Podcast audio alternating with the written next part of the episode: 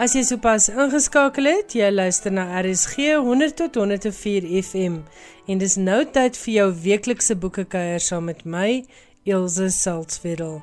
Baie welkom en baie dankie dat jy saam met ons vir die radio kuier.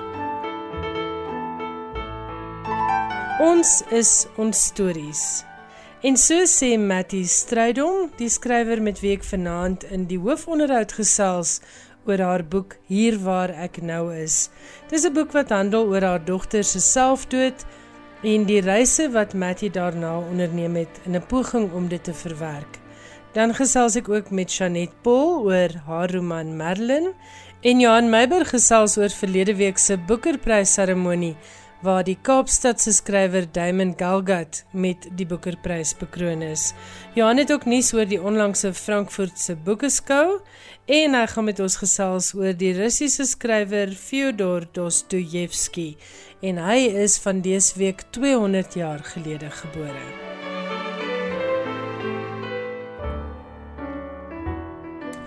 Maar eers 'n bietjie gelukwensinge. Die South African Literary Awards of SALA toekenninge is vanjaar vir die 16de keer aangebied.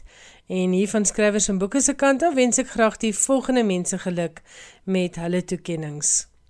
Iemand met wie ek onlangs hier op skrywers en boeke gepraat het, Andre Trantraal, is bekroon met die toekenning vir kinderliteratuur vir Keegan en Samir die sokker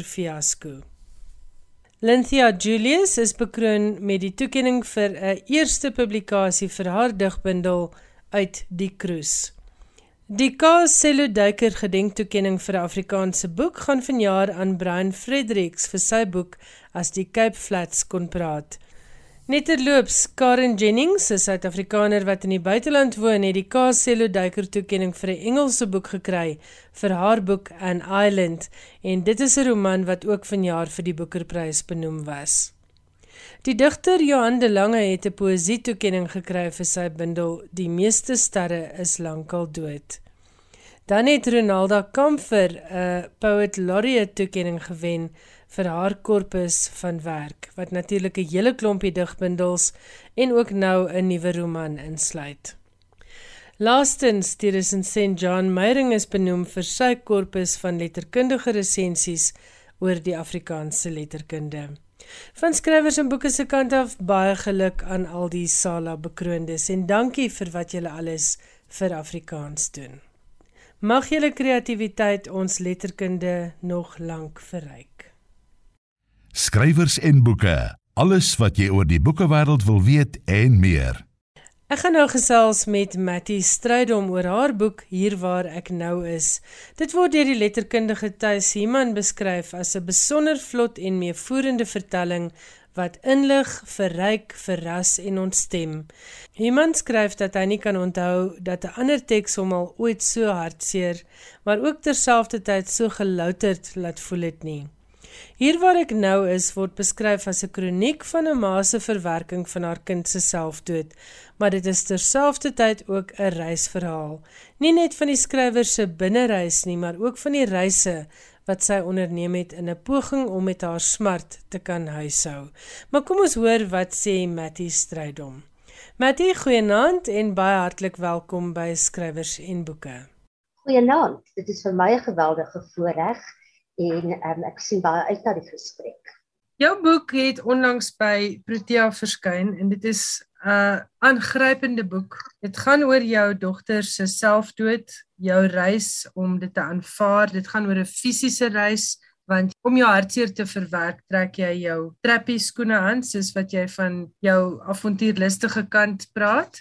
En dan is dit ook 'n boek vol literêre verwysings, vol leesverwysings. Ek lei maar net af as ek na hierdie boek kyk dat jy van jongs af vreeslik intens lees en baie wyd uiteenlopende boeke lees. So ek wil vanaand met jou oor hierdie drie aspekte gesels: die biografiese aspek, jou eie verhaal, Jessica se verhaal en dan jou reis want dit is 'n avontuur op sigself en dan die baie boeke. So kom ons begin by die begin. Vertel ons 'n bietjie meer van jouself. Van die boek weet ek dat jy 'n uh, enkel kind was en ek aanvaar maar dit het gelei tot hierdie geweldige ontvlugting in boeke in. Ja, ek dink dit het definitief iets te doen met enkel kind wees, ook met 'n ma wat baie gelees het, 'n ouma wat baie gelees het. So dit is 'n familietradisie van lees. So ek het met boeke groot geword. Boeke van jongs af as geskenke gekry. Ek Wind in the Willows, al die klassieke werke. Ek Winnie the Pooh wat ook in my boek en hier waar ek nou is 'n rol speel want dit was so deel van my grootword van my kinders se grootword en nog steeds. So ja, en dit het verder baie my eie gelees. Klein dorpie groot geword in die Oos-Vrystaat, maar ryk in kulturele belewennisse, kuns. Ek het vir ure deur my ma se paar kunsboeke geblaai. Ek en my pa het Saterdag aande op die mat gelê en na die eie keuse geluister. Mense geken, ek op um, gaan bietjie op daardie spoor in later in die boek waar het die reiskop aan my gebyt en dit vertel staaltjies van tannies wat ek geken het op die platte land dat die Jack daardie diep stem wat na allerlei verre destinasies gereis het tannie Sis en tannie Let wat 'n torentjie gebou het met klippe wat ander mense vir hulle van ver lande gebring het. So ja, dit was 'n baie bevoorregte kinderlewe nie altyd maklik nie. Die spesifieke lewe is nou maklik. Maar um, met ryk ryk kultuur in die sitte. Dit is 'n ongewone manier om 'n boek oor 'n baie tragiese tema aan te pak. Uh gee vir die luisteraars net so kort opsomming van hier waar ek nou is. En dan wil ek ook as 'n uh, aansluitende vraag vir jou vra. Het jy begin skryf met die idee om dalk 'n boek daarvan te maak of was hierdie suiwer joernaal hou? ek het altyd geskryf, boeke en boeke vol.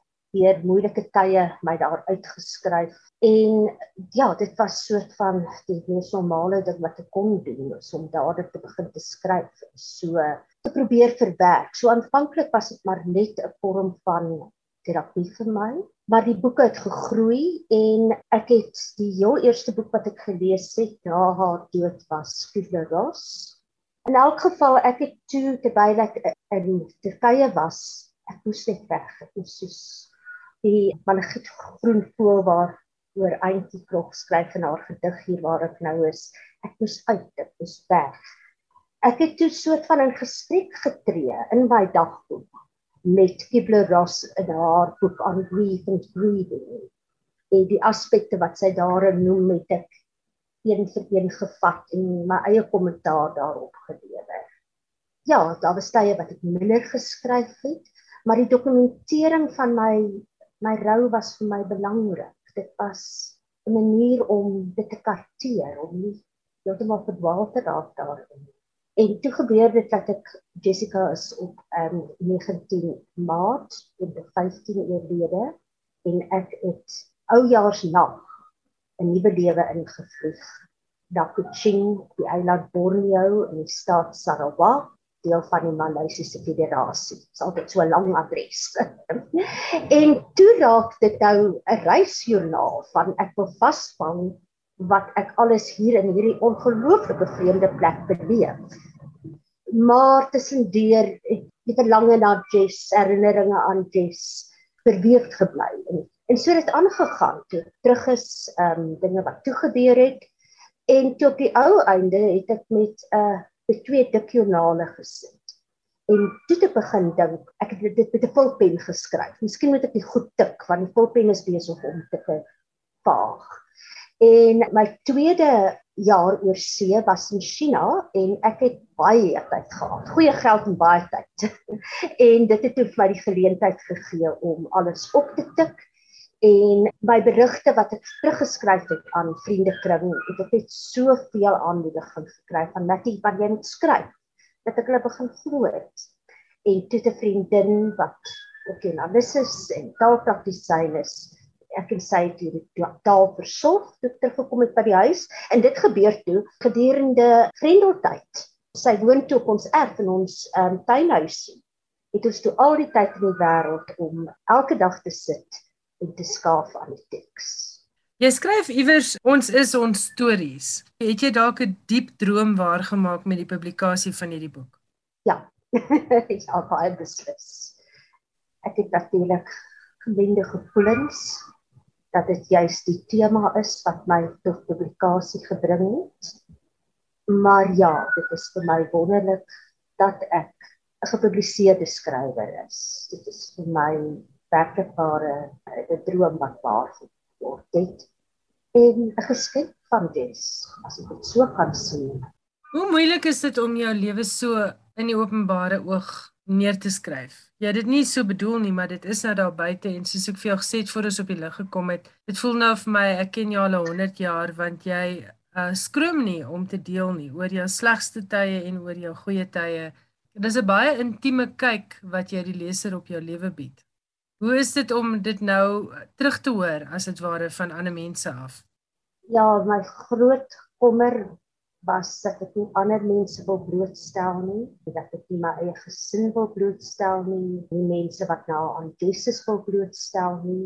En natuurlik is daar maar 'n mate daarvan, maar dit is baie sterk my verhaal, die verhaal van 'n ma, perspektief van 'n ma ek skryf ook oor identiteit. Wat sê identiteit het 'n mens nadat jou kind haar lewe geleef het? Maar daarmee het ek gegroei en vrede gekry. Dit is altyd veelkantig. En geen verhaal is uniek nie. En daar sit soveel terugvoer van mense wat sê, "Shit, jy verwoord iets wat ek wou gesê het." Jy lees baie wyd. Hier is van Nobelpryswenners tot gewone mense wat goeters geboekstaaf het op jou leeslys agterin. As jy moet sê waar staan jy nou in terme van jou leeswerk?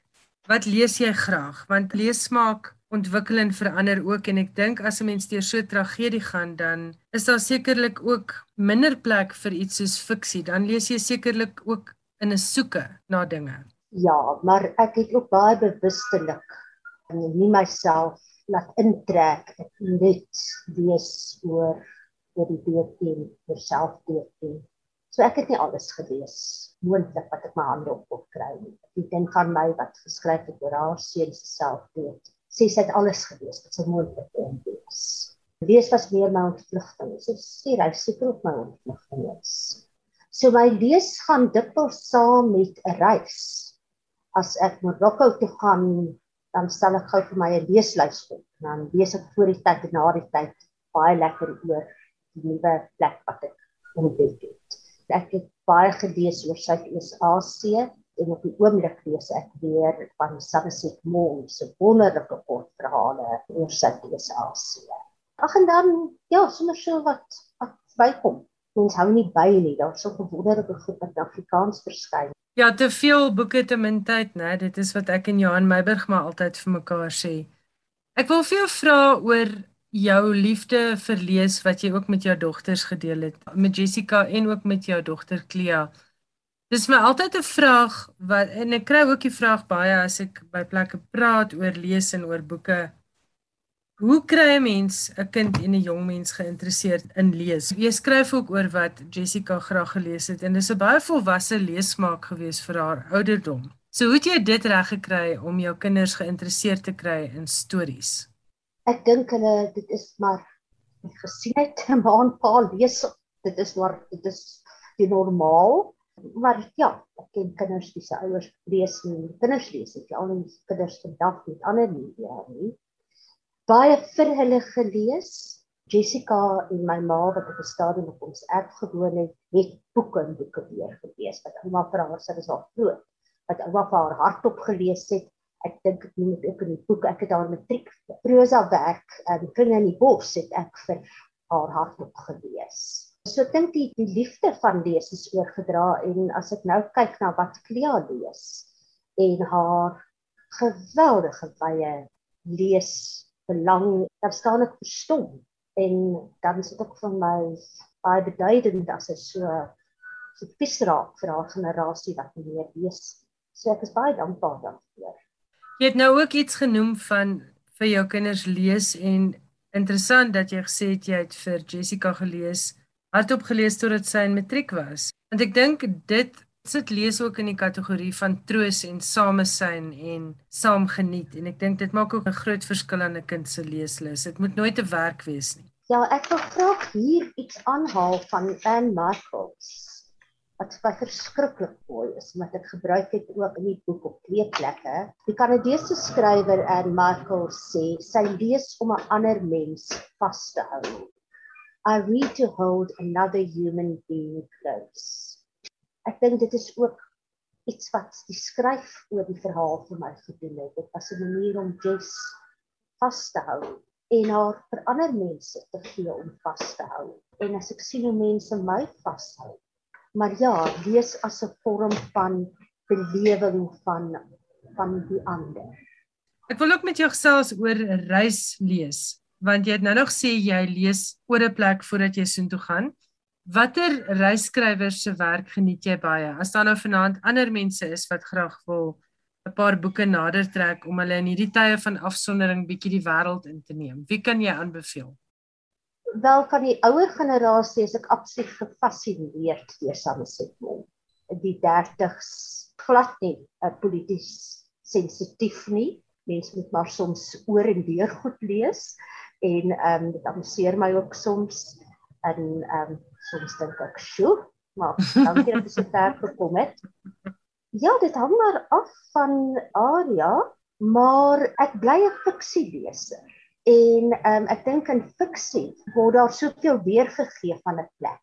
Ek het uitgebrei oor Istanbul gelees. Orhan Pamuk is harde werk. Hmm. Maar veral sy The Museum of Innocence laat daardie stad absoluut leef. En dan kom jy daar en jy kan werklik waar die die museum gaan besoek. Dit het my kop laat draai. Dis 'n fiksie wat vergestalting kry in 'n museum, maar wat te werklik waar een van my gunsteling skrywers geword het wat Istanbul vir my oopgemaak het, was Elif Shafak en deesdae met die groot liefde vir die Turkse sepies, dink ek sal mense groot aanklank vind by haar werk as literêre werk pragtig geskryf. Sy's meer van 'n literêre skrywer, pragtige taal gebruik, pragtige vertalings van haar werk. Nog ander gunstelinge? Alhoewel ek in 2011 toe nooit by in Syria uitgekom het nie. Ek sou 'n toer vir my 50ste verjaarsdag gedoen het van Kaïro oor land na Istanbul. En toe breek die ehm um, onderste uit in Egipte en toe het die Syriese oorlog begin.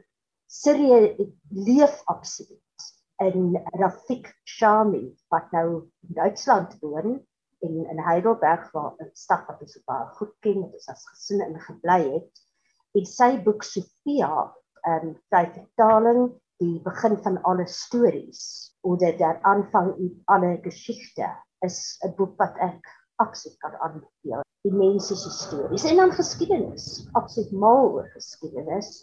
Op die oomblik luister ek Hardcore van Dan Carlin terwyl ek deure skuur in um Arande werkies in om die werk doen. Absoluut inspirerend. Praat met ons oor luisterboeke want dit is ook 'n vraag wat mense toenemend vra is is dit so lekker om 'n boek te luister soos wat dit is om dit te lees. Nou jy's 'n ek wil amper sê 'n geharde leser. Hoe ervaar jy dit? Ons my heerlik. Dis my dis my regtig groot genot. Veral as dit baie goed gedoen word, net werk 24 voorgeles word. Die inbreuk wat dit maak op mense tyd is anders want jy kan dit doen terwyl jy ander goeders doen terwyl jy ry. So dit is 'n ander medium. Ek is ook nog nie regtig vaardig of ehm um, groot entoesias van e-boeke nie. 'n Vriend van my en ek is besig om hier waar ek nou is te vertaal in Engels. En ehm um, die een moontlikheid is dat dit net as e-boek sal verskyn. Maar ja, ek hou van van 'n harde kopie en dit is vir my baie belangrik en dit nou ook baie lekker om met my boek in my hand te kan my mm. my te kan vasdruk. Die voorblad is baie verskriklik. Kom ons praat oor die voorblad. Daar's 'n kunswerk van Jess wat so half bo oor 'n ander kunswerk lê. Vertel vir ons van die voorblad. Ja, die uitgewers het baie moeite gedoen om regtig vir my iets te gee wat vir my besprekend is van die boek en die grafiese kunstenaar het oor en oor nuwe goed gestuur elke keer tot in Handy Duisel van Protea en op 'n dag het ons net geweet nou werk dit. Die foto is geneem deur my Japaneese vriendin Noriko oor wie ek baie skryf in die gedeelte oor my tyd in Kuching en dit is van die berg Santa Bong wat uit die see uit verrys op die die strand van die Suid-China See. So dis twee elemente en Santa Bong was vir my 'n simbool so van ek skryf Santa Bong is die barometer van my emosies. So dis goed wat vir my wonderlik saamgekom het en ek hou baie van die manier wat die kunswerke van Jessica gebruik word. Die vierde en laaste deel van die boek is stukke uit Jessica se kunsjoernale. Sy het tuisonderrig gedoen vir matriek en die kunswerk kom uit Jessica se matriekportfolio en die tema was we lose our hearts before we lose our minds. En hierdie is 'n kritiek met die, die titel The lunatic is in my head. Dis in wit en swart en die eerste paneel is stuck in the past. Die tweede paneel is waiting waar uit hierdie kunswerk die, die tekening geneem is en die laaste paneel is dan waar alles bymekaar kom en 'n blik na die toekoms gee. Moving on is the only distraction. En toe daaraan gewerk het en weer na kunstwerke gekyk het, het ek gedink van my kind, het so baie geweet. Het soveel ongelooflike insigte gehad. I just Ek moet vir luisteraars sê hierdie is 'n baie aangrypende boek of jy nou iemand aan selfdood afgestaan het of nie. Ek dink enige ma sal hierby aanklank vind. Ek ek het dit ook gelees as 'n ma met twee jong volwasse kinders en ek het ook gedink aan al die pyn wat daar in die wêreld om ons is. Maar jy het dit vreeslik mooi ook uitgebalanseer met die skoonheid wat jy gaan soek het en die vrede en die troos wat daar buite gelê het. Jy moes net ook aanhou beweeg en vir jouself op 'n manier heling kry. Ek wil met jou praat ten slotte Mattie Strydom oor die titel van jou boek Hier waar ek nou is. Gee asseblief net vir ons die agtergrond en dalk as jy wil kan jy vir ons afsluit deur Auntie Krog se gedig voor te lees waaruit hierdie titel kom. Ja, dis 'n gedig wat saam met my stap vanuit my jeugjare en kom uit Antjie Krog se tweede bundel Januarie Suite en ek het die boek gekry as 'n boekprys vir Afrikaans vir graad 10 en die gedig voorgedra by Astedfit en altyd weer dit geniet om terug te gaan na Januarie Suite toe dit toe met my eie kinders gedeel en Jessica het die gedig voorgedra was dit dit in haar graad 11 jaar en met 'n uh, goue diploma daarvoor ontvang. En met haar dood het die gedig net dadelik by my opgekom baie baie sterk. Ek kan onthou dat ek dit in die eerste paar weke na haar dood eendag vir 'n baie goeie vriend van my voorgelees het en dit het net 'n tema geword ek net besef maar dis dan dit begin met Jessica wat praat en eers ruil dit. En wat baie ja, wat vir baie treffend is van die titel is die hier, die plek en dit skuif. Ehm um, ek kan ek wees, maar dis ook Jessica. So die persoon skuif en die nou is die tyd wat skuif. So hier waar ek nou is, is nie waar ek gister was nie. Dis nie waar ek op die 6 jaar gelede was. So daar is ook iets van groei en aanvaarding, maar ook iets van in die nou wees wat baie belangrik is. Ook in reis, jy moet in die nou wees. Dit is 'n 'n uitdaging om die ervaring nou te beleef. Want môre is jy nie meer waar jy gister was nie. Ek het ook aan Antjie Krog tamelik vroeg in die skrywe van die boek gekommunikeer hoe veel die gedig vir my beteken, hoe 'n uh, ander perspektief die gedig gekry het in ons lewens, iets wat sy sekerlik nie kon droom sy dit as jong vrou geskryf het nie. Die gedig is lank. Ek weet nie ek kan dit net van die hele gedig lees nie. Lees vir ons um, jou gunsteling stuk of die stuk waaruit hierdie spesifiek waar die titel dan kom. Ek gaan die begin en die einde lees. Die begin waar dit Jesus stem vir my is Hier waar ek nou is, sal jy nooit nooit kan wees nie. Al koop jy 'n boot 'n dam en al kom jy wanneer die sterre met swart stingels in die water lê. Alles jou hande deursigtig aan die liefde. Alles jou oë gewillig om onder lewe te leef. Alles jou hart onkneusbaar en bestand teen pyn. jy sal nooit kan wees waar dit nou is. Dan wil ek wel in die middelste gedeelte ook net optel want dit sê iets van my reise vir my. Ek myself geleer om klein te dink, om eenvoudig te droom. Tog gedag, dis my palm se voel kom dit snaak. 'n Wale giet groen voel wat gedurig wil uit wil weg. Maar dit is ook kes wat wou uit wou weg. En dan die laaste strofe. Dit is goed dat jy van my weggaan. Dink ek by myself. Dit is goed. Maar jy is nog so mooi, so verkleed. Tog bly dit seer om altyd te bly. Om myself te troos vir die woorde dat waar ek nou is, sal niemand ooit saam met my kan wees nie. Dit was die stem van Mattie Strydom en ons het gesels oor haar boek Hier waar ek nou is. Dit word uitgegee deur Protea Boeke. Met diep in die 40 boeke op haar kerfstok het Janet Paul bitter min bekendstelling nodig onder boekliefhebbers En hierdie jaar het Janet haar aanhangers beloon met iets nogal ongewoon, 'n vierde boek oor die karakters van haar baie gewilde Vyvervrou trilogie. Hierdie keer is die titel Merlin, 'n karakter wat lesers baie goed leer ken het in die drie boeke van die Vyvervrou trilogie. Kom ons hoor wat sê Janet Paul oor Merlin. Janet Paul, baie welkom by Skrywers en Boeke. Maar vertel vir ons hoe dit gebeur dat 'n trilogie uitgebrei is na 'n vierde boek. Marilyn was 'n nuwe karakter in die Vyvervrou trilogie. My lesers het so baie van haar gehou dat hulle wou weet wat haar storie ook is. Hulle het aanhou vra daarvoor en toe ek nou op Facebook vra of hulle regtig 'n boek oor haar wil hê of eerder die boek waaraan ek wou skryf, was die reaksie uh, oorweldigend en ek moes maar net die knie buig. Uh dit was natuurlik 'n tamaletjie om 'n vierde boek by 'n trilogie te voeg.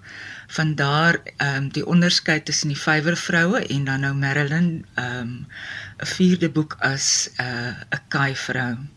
Waarna kan lesers uitsien in Marilyn? Hulle vind so 'n bietjie uit van hoe dit verder gaan met Lira, met Mirre en Corali en ehm um, die manne in hulle lewe. En die leser kry insaag in waar Marilyn vandaan kom en waarom sy so stroom op en moedswillig kan wees. En dan vind uh Marilyn se seun se herkoms kom ook onder die loop en uh ja, die pandemie speel 'n rol, maar eintlik gaan die verhaal oor Marilyn en haar jeugliefde Paul Avenant wat mekaar na dekades weer raakloop. En dit gaan oor hoe dit voel om in 'n mens se 60s terug te kyk uh, na jou lewe tot dusver. Hoe 'n mens soms selfverwyd saamdra oor dinge waaraan jy min skuld het en dan aan die ander kant ehm uh, nie berou het nie oor dinge waaroor 'n mens seker veronderstel is om berou oor te hê. Dit was vir my baie lekker om 'n boek oor 'n veel ouer vrou as hoofkarakter te lees. Voel jy daar's genoeg sulke boeke in Afrikaanse ontspanningsfiksie? Ek dink nie dis iets wat te veel oordryf moet word nie, uh, veral nie in romantiese fiksie nie. Dit is natuurlik sodat ouer mense ook verlief raak en in verhoudings betrokke raak en natuurlik steeds die uh, uh, liefdeslewe baie kan geniet. Maar ek dink meeste lesers van romantiese fiksie verkies dalk jonger karakters. Ek glo wel daar is heelwat ruimte vir ouer karakters, uh, ook binne romantiese konteks. In die Jojo Rigter reeks was Jojo ook om en by 60, maar daar was ten minste die heelwat jonger hoofkarakters wat ook gesorg het vir 'n romantiese spanningslyn. En dan dieselfde geld natuurlik vir Gys en Gertjie in die Gys Niemand reeks. Maar as 'n mens eh, eh, as skrywer self ouer is, raak dit moeiliker om werklik in die kop van jong karakters te kom. Dit was dus vir my baie lekker om in Marilyn uh, op 'n uh, op ouer karakters te kon konsentreer. Maar nou ja, Marilyn is uh, het wel 'n romantiese storielyn, maar dit is darem ook nie alwaaroor dit gaan nie. Uh, Nes in my ander boeke is die romantiese aspek deel van 'n hele paar ander storielyne. Jou boek speel af in die tyd van die streng inperking, maar is alles behalwe 'n COVID roman. Gesels bietjie met ons daaroor. Ek het in Januarie 2020 daaraan begin skryf, uh voor ons eers geweet het die pandemie lê voor die deur. Toe die Grendel tydperk aanbreek, ek het nie herwaarts of derwaarts gewees met met die met die storie nie. Uh hoe skryf 'n mens immers 'n storie as jy nie weet wat oor 3 weke gaan gebeur nie, laat staan oor 'n jaar.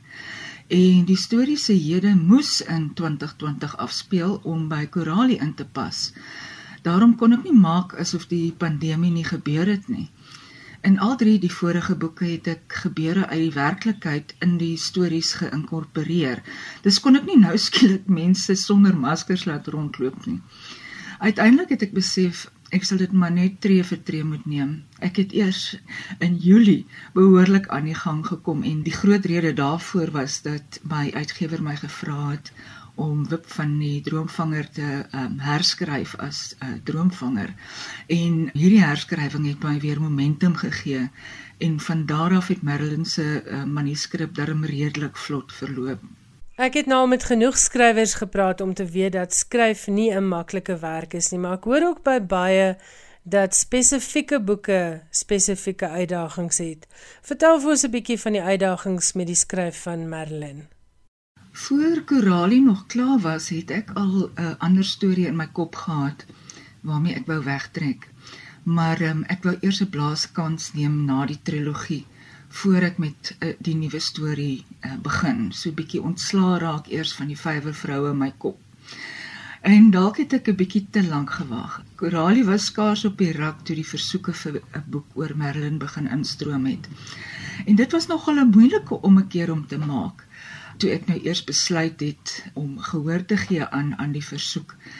Uh alhoewel ek nog nie uh, begin skryf het aan die storie wat ek wou skryf nie, is mense gedagtes maar altyd by die volgende boek en woel en werk die storie in jou kop. En daar word ek nou skielik gevra vir Marilyn. En toe boonop, ehm um, vind ek uit toe ek nou besluit het om ek sal nou aan Marilyn skryf dat Marilyn is uiters snoep met inligting oor haar lewe en en onwillig om haar hart vir my oop te maak.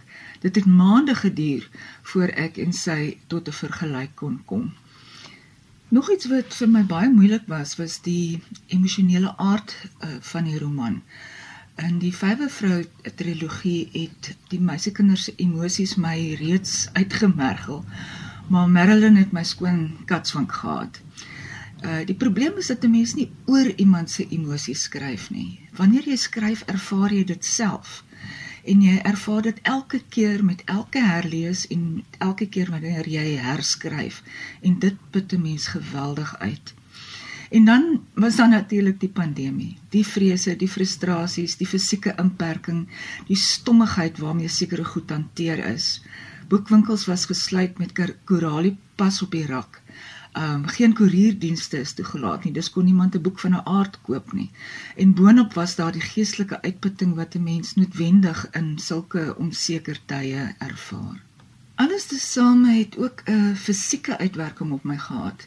Ek loop al 18 jaar lank 'n pad met fibromialgie en sedert so 5 jaar gelede gaan dit gepaard met reumatoïede artritis ook en voortdurende pyn het het my lewe met erniede ywer versuur. Nuwe medikasie wat ek begin gebruik het, het gevaarlike neeweffekte gehad en ek moes inderhaas alternatiewe soek waarvoor mense natuurlik dokter toe moet gaan en dit toe die pandemie op sy ergste was. 'n Mens raak nooit gewoond aan pyn nie, maar jy raak gewoond daaraan om met 'n sekere mate van pyn saam te leef. As dit egter te erg raak, dan put dit jou fisiek en geestelik en emosioneel uit. En dit is natuurlik net mooi dan wanneer kreatiwiteit ook sy pad vat. My teenvoeter vir al hierdie dinge was blom en die tuin wat ons saam begin maak het op 'n brakkol tussen die fynbos. Uh dit was die gedurende die 3 weke Grendel tydperk en die een wat daarna gevolg het. Blom het die harde werk gedoen, ek het die lekker werk soos potte verf en stapklippe met musiek versier gedoen en besluit waar wat moet kom. Ek het stiggies gemaak tot die kwekerye weer uh, oopgemaak het en dis meer. Dit het my kop help ontspan en uiteindelik kon ek weer aan die skryf kom, waaroor ek innig dankbaar is. Net so dankbaar as wat ek is dat lesers steeds my boeke wil lees. Agterna beskou is ek my lesers innig dankbaar dat hulle my in Marilyn se koers gestuur het. Dit was uiteindelik vir my 'n verrykende ervaring en vreemd genoeg was Marilyn net mooi die regte boek om in sulke omstandighede te skryf. En so gesel Chanet Paul, skrywer van Marilyn. Dit word uitgegee deur Lapa. Skrywers en boeke. Elke Woensdag aand tussen 8 en 9. Nou is dit Johan Meiburg se beurt om met ons te gesels oor die internasionale boekewêreld en vanaand kyk hy terug na verlede week se Boekerprys toekenningsfunksie asook die Frankfurtse Boekeskou en die Russiese skrywer Fyodor Dostojewski wat môre 200 jaar gelede gebore is. En daar wen Damon Galgut toe die Boekerprys met sy jongste roman The Promise Die portret van 'n wit Suid-Afrikaanse gesin teen die einde van die apartheidsjare. Die titel van die boek verwys na 'n onderneming wat die familie aan die huiswerker wat jare lank vir hulle gewerk het gee dat die huis en die grond waarop dit staan na haar toe sou gaan. In sy aanvaardingstoespraak by die oorhandiging van die prys het Galgut gesê dat hy die prys ontvang namens al die stories die wat vertel is en die wat onvertel bly en die skrywers van wie 'n mens hoor en die waarvan jy nie hoor nie in die merkwaardige vasteland waarvan hy deel is. Die beoordelaars het Galgut se roman aangeprys as 'n aanskoulike bewys van hoe 'n roman 'n mens vars na dinge kan laat kyk en dit vergelyk met die werk van William Faulkner en Virginia Woolf. Die roman het die beoordelaars voortgegaan 'n sterk en onverbloemde kommentaar op die geskiedenis van Suid-Afrika en die mensdom en wek die vraag bestaan geregtigheid enigsins in die wêreld. Ondanks die gewigtige kwessie meen Galgut die boek is nie net ernstig nie. Ek dink nie ek sou 4 jaar in 'n boek wou skryf wat my net in 'n gat intrek nie het hy gesê. Dit was humor wat dit vir my moontlik gemaak het om die menslike kant na vore te bring. Die boek gaan nie net oor dooies nie, maar juis oor die wat nog lewe. The Promises Galgut se 9de roman en die eerste in 7 jaar. Met die sege het hy die derde Suid-Afrikaner geword om die gesogte prys te verower. Die ander twee is James Coetzee in 1999 met Disgrace en Nadine Gordimer in 1974 met The Conservationist. Galgut was by twee vorige geleenthede op die kortlys vir die Boekerprys. Hy het in Pretoria grootgeword en woon deesdae in Kaapstad. Sy eerste roman, A Sinless Season, het in 1982 verskyn en daarna het gevolg Small Circle of Beings in 1988 The Beautiful Screaming of Pigs in 91 The Quarry in 95 The Good Doctor in 2003 The Imposter in 2008 In a Strange Room in 2010 en Arctic Summer in 2014 The Good Doctor en In a Strange Room het albei die kortlys van die Boekerprys gehaal. In verlede week se skrywers en boeke het Ilse Salzwedel 'n gesprek gevoer met Damon Galgut. Die onderhoud is beskikbaar op RSG se webwerf as jy dit dalk gemis het. Nadat COVID-19 verlede jaar ook 'n stokkie gesteek het vir die Frankfurtse Boekeskou, is die 73ste weergawe van die skou van 19 tot 23 Oktober in Duitsland weer aangebied. Meer as 2000 uitgewers van 80 lande het boeke op die skou gehad en in 4 dae is 1400 geleenthede met meer as 300 skrywers aangebied.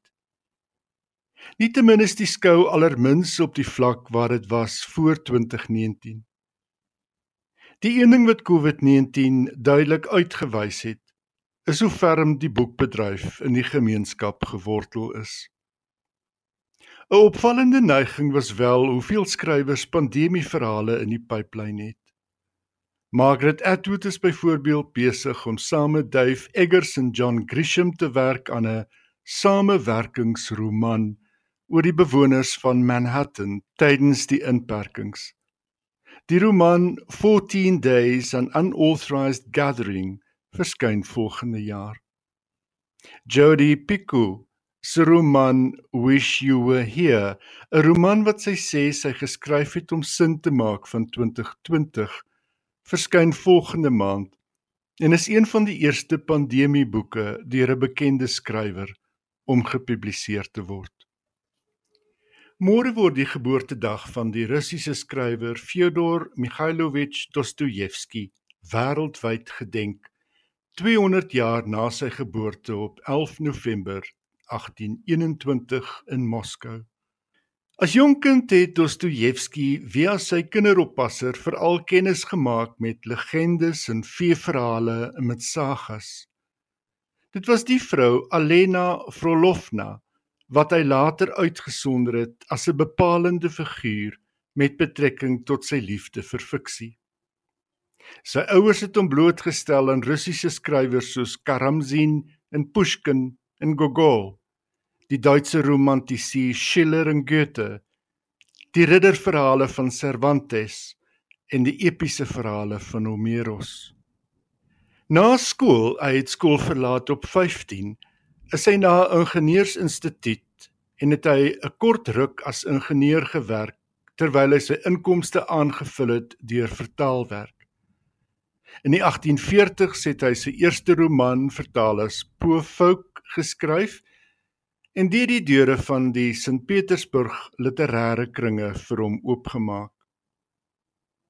In 1849 is hy gearresteer omdat hy behoort het aan 'n groep wat boeke bespreek het wat die Russiese tsare in 'n minder gunstige lig gestel het en is hy die doodstraf opgelê. Die vonnis is op die nipper teruggetrek. Hy het wel jare in 'n Siberiese strafkamp deurgebring en daarna verpligte militêre opleiding in ballingskap. Daarna het hy gewerk as joernalis. Hy het heelwat gereis en ook 'n swak vir dobbel ontwikkel wat byna sy ondergang beteken het. Maar dis nie waarvoor Dostojewski onthou word nie. Wel vir sy onsterflike romans waarmee hy hom gevestig het as een van die invloedrykste romanskrywers van die goue eeu van die Russiese letterkunde. Dink maar aan boeke soos weer 'n vertaalde weergawe Crime and Punishment van 1866 The Idiot van 69, Demons van 72 en sy laaste roman The Brothers Karamazov van 1880 wat beskou word as sy magnum opus. Dostojewski het inderdaad geput uit 'n skat van skrywers voor hom, maar eweso het hy 'n nalatenskap gelaat wat wyd strek, ook ten opsigte van sy bevordering van die ontwikkelingsgang van die roman as kunsvorm. Een van die mense op wie Dostojewski 'n onuitwisbare indruk gemaak het, was die Duitse filosoof Friedrich Nietzsche, wat na Dostojewski verwys het as die enigste sielkundige van wie ek iets kon leer. Hy tel onder die lieflikste gelukskote wat ek in my lewe gehad het. Baie dankie Johan, interessante insetsels soos altyd.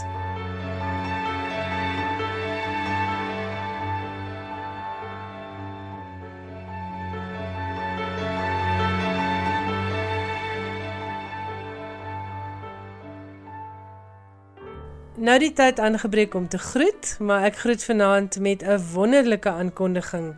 In die tyd van COVID het baie van ons vreeslik uitgesien na boekbekendstellings want die meeste indien nie almal nie is afgeskaf weens die inperkingsreëls.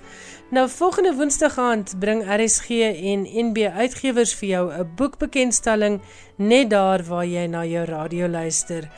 Ek gaan met Wilna Adrianse gesels oor haar roman Vlug absoluut boeiend en terselfdertyd onthutsend.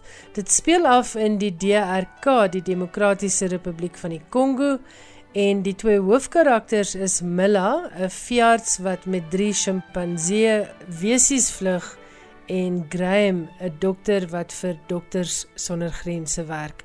Daar's 'n klomp spanning, daar's 'n oorlog, daar is die Afrika bos en al die onvoorspelbaarheid wat dit meebring. En dan is daar boonop nog baie lekker afgeronde karakters. Ons gaan onder andere ook luister na Wilna se gunsteling musiek en die musiek waarop sy skryf. So jy kan uitsien daarna om vir 'n slag weer 'n lekker boekbekenstelling hier op RSG by te woon. Tot volgende Woensdag aand wanneer ek en Wilna Adrianse uit die ateljee met jou gesels. Lekker luister na RSG. Ons is 24 uur per dag hier vir jou. Lekker lees en mooi loop. Totsiens.